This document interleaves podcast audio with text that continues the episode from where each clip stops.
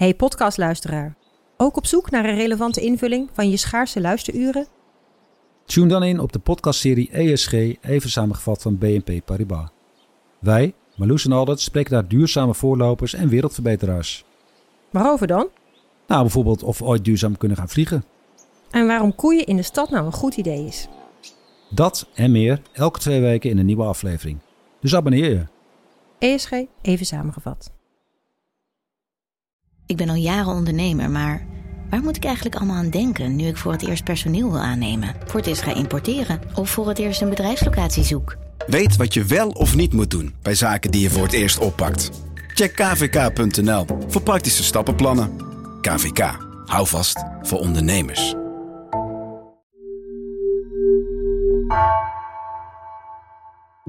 Vanaf de redactie van NRC het verhaal van vandaag. Mijn naam is Egbert Kalsen.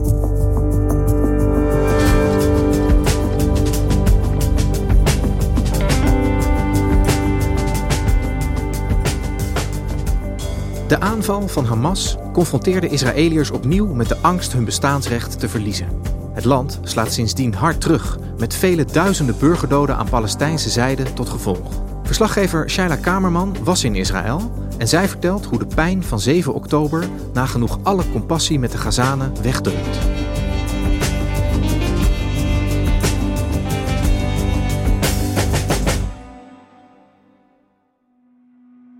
Kort geleden was ik in Israël. Het was vlak voordat de wapenstilstand inging. Ik ben vaker in het land geweest. Ik heb er gestudeerd in Jeruzalem een jaar. En ik wilde graag nu weten hoe de sfeer is in deze tijd van oorlog.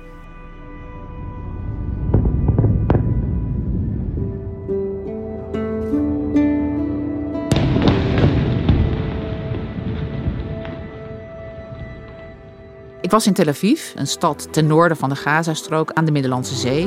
I always say that Tel Aviv is like a mini New York. It has energy, it has speed, it has style, it has a great vibe.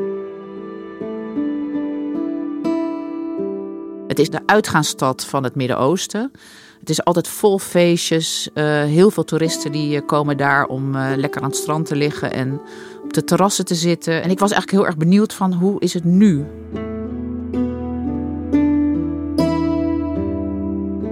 Vond de sfeer echt totaal anders. Natuurlijk zitten er mensen op terrassen en drinken ze een kopje koffie. En het leven gaat er in zekere zin ook gewoon door. Maar de stad is veel leger dan normaal. Wat ontzettend opvalt is dat er heel weinig toeristen zijn, of eigenlijk nauwelijks toeristen. Beachparties, nou, ik heb er geen enkele gezien. De hotels die daar langs het strand zijn gebouwd, zijn niet leeg. Er zitten mensen in die uit de kibbutzen weg moesten, die zijn aangevallen. Wat ik heel erg merkte is dat de oorlog echt on top of mind is van iedereen. Met wie je ook spreekt, ze beginnen meteen over de oorlog en dan vooral over 7 oktober dat Hamas het zuiden van Israël aanviel, een aantal kibbutzen en het uh, dansfeest. Ook heel veel bij jongeren. Als je met ze spreekt, laten ze meteen filmpjes, foto's zien. Het ene filmpje nog gruwelijker dan het andere filmpje.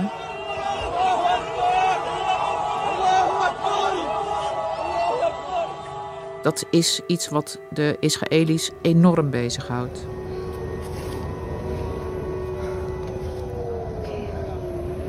Wat ook heel anders is, is dat er voortdurend luchtalarm klinkt. In Tel Aviv heb ik dat eerder nooit meegemaakt. En op het moment dat je in Ben Gurion land aankomt, dan zie je levensgrote portretten van de gijzelaars. En ook overal in de stad hangen portretten van die mensen. Mensen lopen met gele bandjes om hun pols om uh, te laten zien dat ze meeleven. Je ziet spandoeken. Wat mij ook enorm opviel is dat je overal Israëlische vlaggen ziet. Bijna elk balkon hangt een Israëlische vlag. Of een banner met van zorg dat ze snel thuiskomen erop. De oorlog is ook heel dichtbij omdat uh, iedereen wel iemand kent die vast wordt gehouden in Gaza of die getroffen is door de aanval op 7 oktober. En het is natuurlijk ook zo dat het halve land is gemobiliseerd. Dus er zitten ontzettend veel mensen in het leger.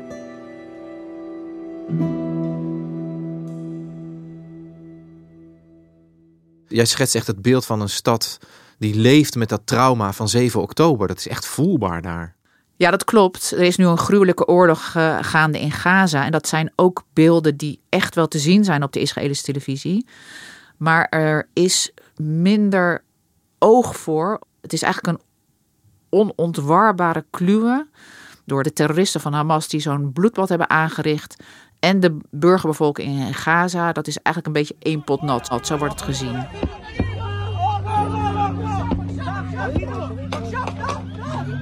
7 oktober zijn er ontzettend veel mensen gedood. 1200, uh, 240 mensen werden ontvoerd. Een derde van de mensen is inmiddels terug. Maar er zitten dus natuurlijk nog ontzettend veel mensen vast. Het is een aanslag uh, die ongekend was. En mensen die waanden zich veilig. Dus dat dreunt nog steeds na. En toen kwam de tegenaanval van Israël, die nog steeds voortduurt. De Gazastrook, waar 2 miljoen Palestijnen wonen, was altijd al een openluchtgevangenis. En nu is het een, gewoon één oorlogsgebied. Er zijn meer dan 17.000 Palestijnen inmiddels al omgekomen. Een ongelooflijk aantal. En ja, eigenlijk is iedereen die daar woont op de vlucht, omdat je voor de bombardementen van Israël. En sinds uh, de wapenstilstand is afgelopen, vallen er ook weer honderden doden per dag. En mensen kunnen gewoon geen kant op.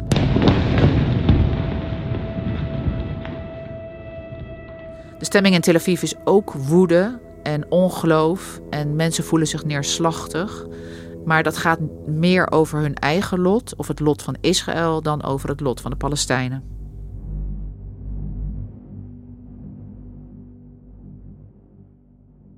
Ja, Shaila, jij kent uh, Israël goed. Hè? Je hebt er gestudeerd, vertelde je al. Die angst, hè, dat gevoel van bedreigd worden in je bestaan. We weten natuurlijk allemaal waar dat ten diepste vandaan komt bij de Israëliërs, bij de Joden.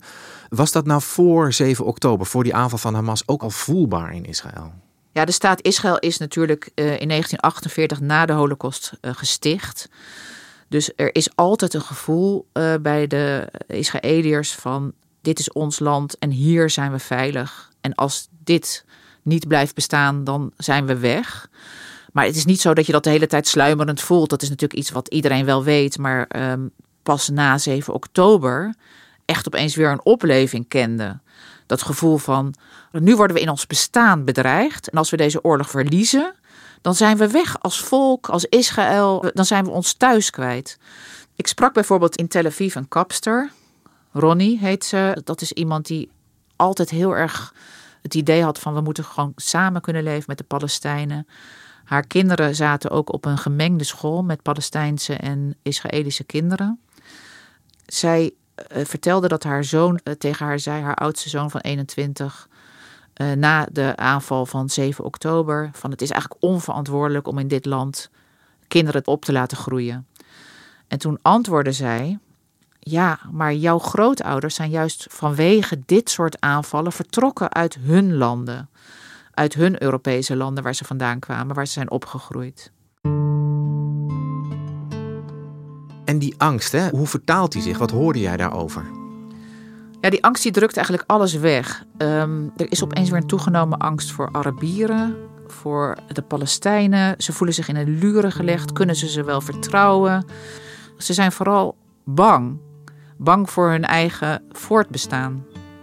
Dus er is eigenlijk heel weinig ruimte om de andere kant uh, ook echt mee te voelen.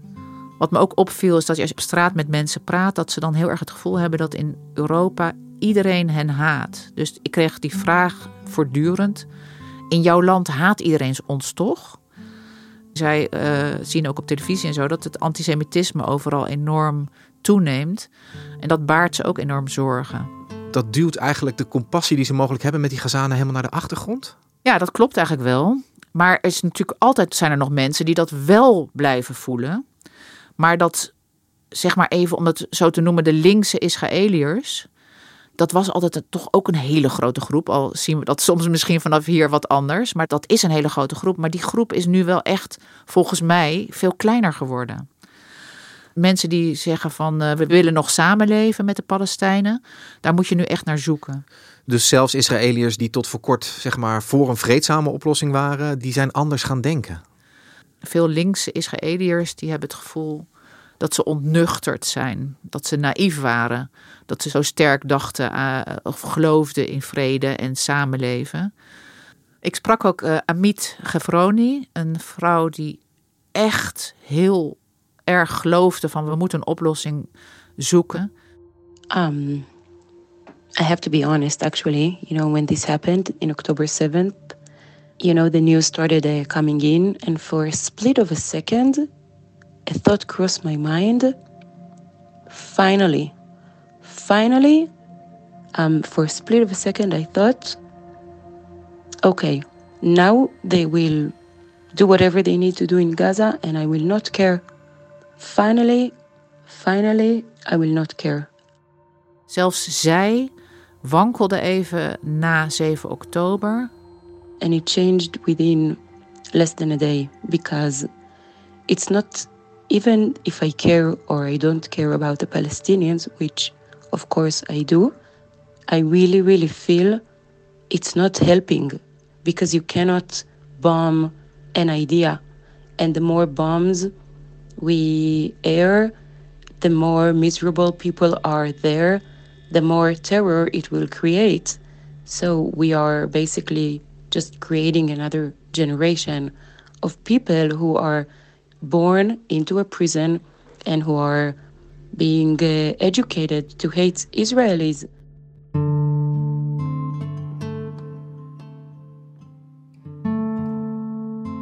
Ik heb uh, vanuit Tel Aviv ook de trein genomen naar Jeruzalem. Daar ben ik naar een uh, wijk gegaan, Harnof, waar veel uh, ultra-orthodoxe Israëliërs wonen. En daar sprak ik met een vader van zeven zoons en een dochter die vertelt over zijn jongste zoon die besloot om het leger in te gaan. I understand the anger of Israeli society at uh, uh, Haredi non-participation in the army. It's not something I, you know, push off and just say no. That's just they don't want us learning Torah. I think that's stupid. En nou gaan uh, alle tieners of 18-jarigen in Israël het leger in. De mannen, de jongens drie jaar en de meisjes twee jaar. Maar de ultra-orthodoxe jongeren zijn daarvan uitgesloten. Zij kunnen studeren aan een yeshiva, een talmudschool. En dat doen ze ook. Daarom was het zo bijzonder dat zijn zoon besloot om dat wel te doen.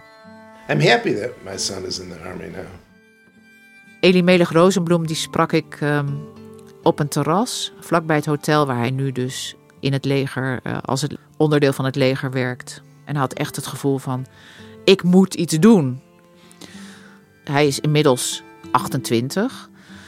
En hij is niet de enige. Er zijn dus meer ultra-orthodox Joodse mannen die zich hebben aangemeld bij het leger. Dat zijn er enkele honderden geweest, vertelden ze me. And I think there are more people that are asking themselves the question why am I not serving in the army and more people that are answering that that's that maybe they should. Edi Melig en ook andere uh, ultra-orthodoxe Joodse mannen die nu uh, zich aanbieden aan het leger, die begrijpen ook het gevoel, het, de boosheid van de andere Israëliërs. Dat zij steeds uh, ja, het leger in moeten en ja, moeten zorgen voor de veiligheid van het land, terwijl zij met hun neus in de boeken zitten. Nou is daar kritiek op, omdat het aantal ultra-orthodoxe Joden enorm is toegenomen. Dat is nu ongeveer 13 procent. En dat komt omdat ze heel veel kinderen krijgen. En het leger heeft ook in no time een soort korte cursus uh, bedacht. Zodat uh, de ultra-orthodoxe jonge mannen die toch nu hun steentje willen bijdragen, ook uh, zich enigszins kunnen voorbereiden in een aantal weken. Being in charge of the hotels where people got evacuated to from cities in the south and north. So that's where I am right now. En hij bewaakt een hotel waar de overlevenden van het uh, Supernova Festival uh, therapiesessies krijgen. En waar mensen die in de kibbutzen die aangevallen zijn, uh, ja, die dus niet meer thuis kunnen wonen, ook voorlopig onderdak hebben gevonden. We're getting a lot of good feedback from people in the hotels that we're doing a great job and so it's a good feeling. Hij krijgt tijd om te bidden en um, er wordt ook gezorgd voor een hoog niveau van kosher eten. Zodat mensen die dus ultra-orthodox zijn, uh, ja, gewoon inderdaad deel kunnen nemen aan het leger. Ja, Shaila, dat leger dat is super belangrijk geworden natuurlijk sinds die aanval van Hamas. En zelfs ultra-orthodoxe Joden nemen daar, uh, daarin plaats, wat jij vertelde. Welke impact heeft dat nou op de rest van de Israëlische samenleving? Ik bedoel, hoe houden ze het draaiende, hun land? Ja, de impact is enorm groot, omdat jongens en mannen het leger in zijn.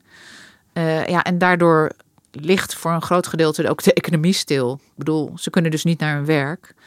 En je merkt dat er een enorme solidariteit is in de rest van het land om te helpen. Dus er is een enorme ja, vrijwilligersindustrie bijna ontstaan om te zorgen dat de mensen die vechten eh, in het leger de spullen krijgen en het eten krijgen dat ze nodig hebben.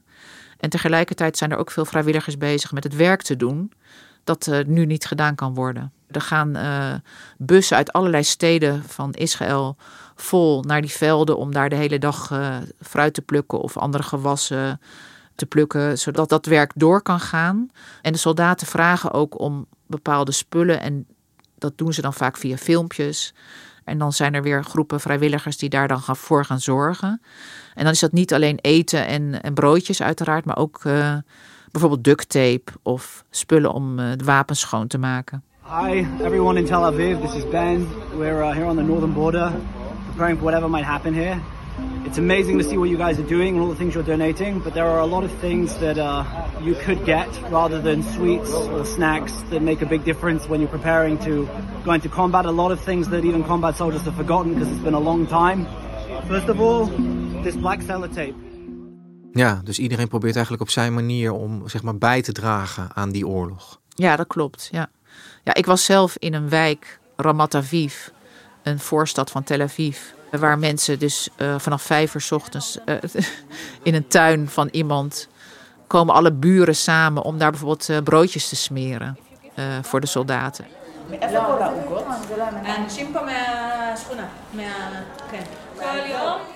En ze zijn, er waren kip aan het bakken en omelet aan het bakken in de tuin.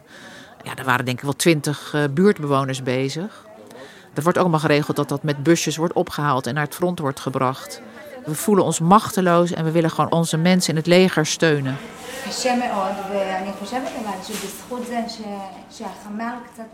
En daar merkte ik ook, als ik met mensen sprak, dat ze echt, uh, ja, dat het nationalisme daar echt heel duidelijk aanwezig was.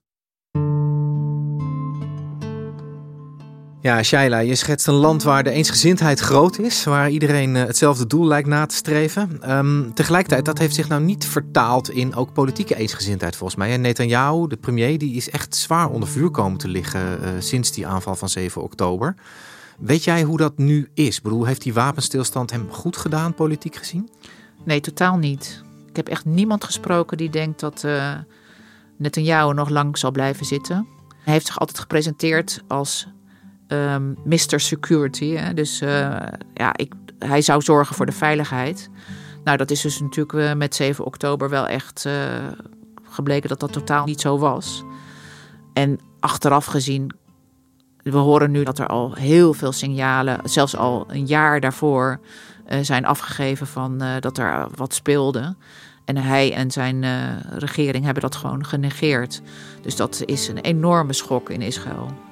Ja, en als je dat allemaal zo op een rijtje zet, um, er wordt natuurlijk al heel lang gesproken over een oplossing van het conflict in het Midden-Oosten. De twee-staten-oplossing wordt dan vaak genoemd. Een beetje een moeilijke vraag misschien, maar wat, wat, denk jij? Is dat überhaupt nog in beeld na wat er allemaal is gebeurd nu de afgelopen maanden? Ja, zeg nooit nooit. Maar het is natuurlijk wel verder weg dan ooit. Dat is echt wel het breed gevoel. The only thing that will work is a political solution It's a conversation, it's a discourse. We can try. I mean, we just did an exchange of hostages with them, which worked better than the war. Amit, ik sprak in Tel Aviv, die, uh, die blijft er hardnekkig in geloven. Ze zegt, ja, we moeten blijven praten met de Palestijnen, we moeten tot een oplossing komen.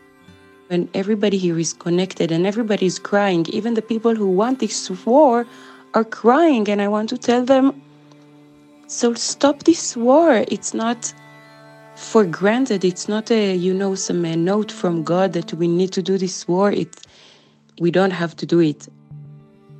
Want alleen als we in vrede met elkaar kunnen leven, dan, uh, dan is er een toekomst voor dit land. And you know, as long as we don't take care of the Palestinian conflict, we will continue with this cycle of bloodshed and tears and terror and mothers who bury their sons and daughters who who lose their, their boyfriends or their, their fathers.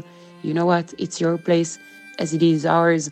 And right now, the extremists on both sides are the ones who are running the show and they're not doing it. But there are so many people um, that do believe in this way. And this is my hope.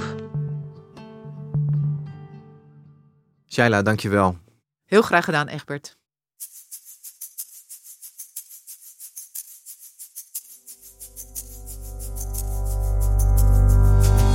Je luisterde naar vandaag, een podcast van NRC. Eén verhaal, elke dag. Deze aflevering werd gemaakt door Ellen van den Berg en JP Geersing. Coördinatie Henk Ruigrok van de Werven. Dit was vandaag, morgen weer.